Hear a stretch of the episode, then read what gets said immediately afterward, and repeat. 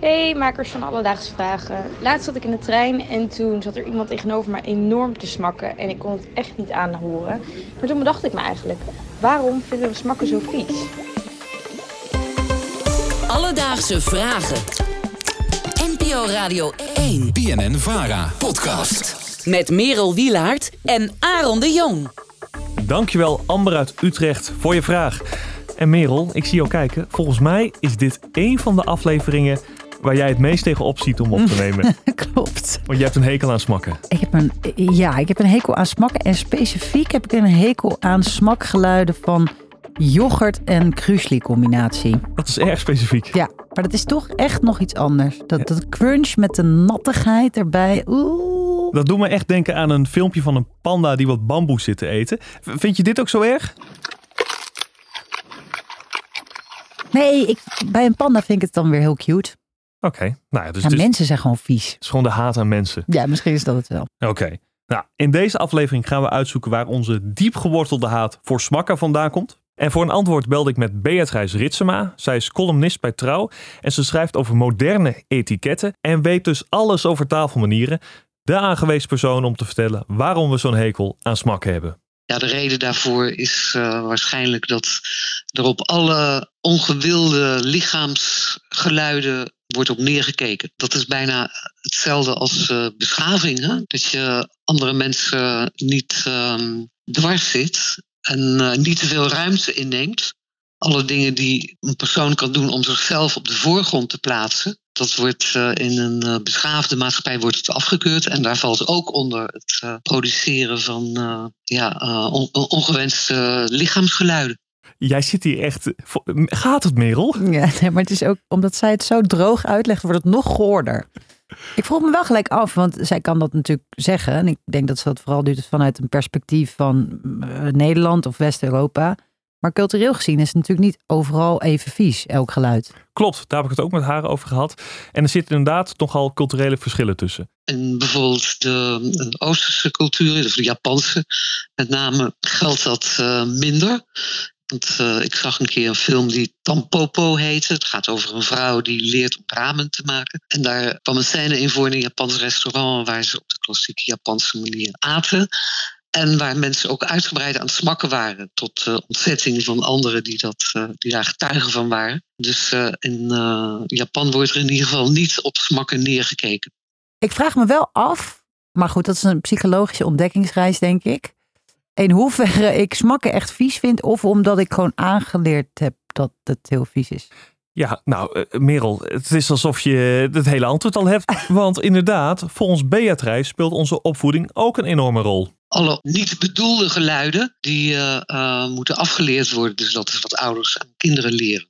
Daar, valt onder eh ellenlange hoesbuien, eh, braakgeluiden, eh winden laten. Al dat soort eh, dingen, dat, is moeilijk om onder controle te houden. Maar daar hoort eh, smakken ook bij. En smakken is toevallig iets wat je nogal eh, gemakkelijk kunt eh, beheersen. Je kunt het wel of niet doen. En als ouders kinderen erop wijzen dat ze dat niet moeten doen, dus dat ze zonder geluid moeten eten, dan op den duur leren die kinderen dat. En dan wordt het geassocieerd, het smakken wordt met iets wat smerig is geassocieerd en dan doen ze het niet meer. Het heeft dus vooral ook heel veel met onze opvoeding te maken. Dat we al vanaf jongs af aan meekrijgen dat ja, je hoort niet te smakken.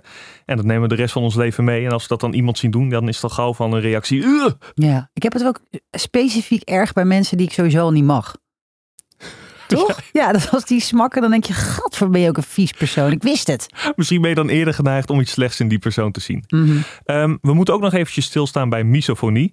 Misschien heb je dat wel, Merel. Misantropie heb ik. dat is weer iets anders.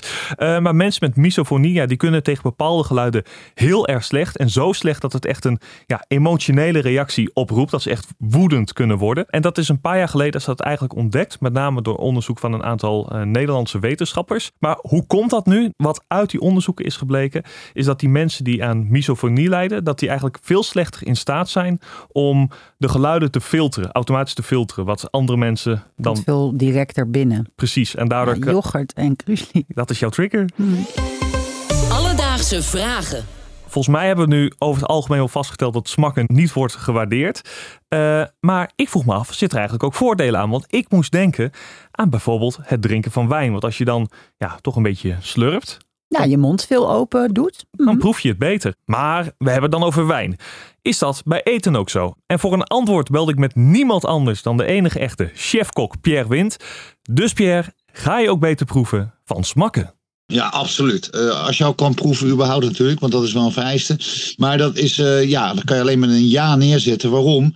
Omdat je hebt speeksel nodig om eh, meer te proeven. En ik neem aan als je gaat smakken, dat je dan meer speeksel geeft. En over het smakken, ja, het is wel de, wat, wat, wat wel, dat heb ik zelf onderzocht. Wat ooit is voor koken met muzieknoten wat ik deed. Dat is namelijk als je smakt in tempo, dat is wel echt verschil. Dus zeg maar het tempo van je smakken, dat bepaalt wel uiteindelijk de smaak is. Dus heel snel smakt of langzaam smakt, dat is echt een verschil. Moet je maar eens proberen met gewoon met een, met een worst. en, eh, ja, en, en, en mijn tip is dus, eh, ja, smak met regelmaat. Nou Merel, ga je die tip ten harte nemen? Eh, Zeker niet. nee, als er niemand bij is. Dus Amber, om een antwoord te geven op je vraag, waarom hebben we zo'n hekel aan smakken? Nou, het heeft er vooral mee te maken dat we smakken associëren met iemand die zijn lichaamsgeluiden niet onder controle heeft. En in onze maatschappij, ja, Merel die laat het al horen, vinden we dat nogal onbeschaafd. En het heeft ook toch iets met onze opvoeding te maken, waarin we al vroeg leren dat smakken niet hoort. En ja, dat blijven we de rest van ons leven toch een beetje met ons meedragen. En heb jij ook nog een vraag? Stuur ons dan een DM op Instagram. Dat kan naar Alledaagse Vragen. Of stuur een mailtje naar alledaagsevragen.radio1.nl en dan zoeken we het voor je uit. Alledaagse vragen. NPO Radio 1. BNN Vara. Podcast. Ja, oké, smakte. Yo!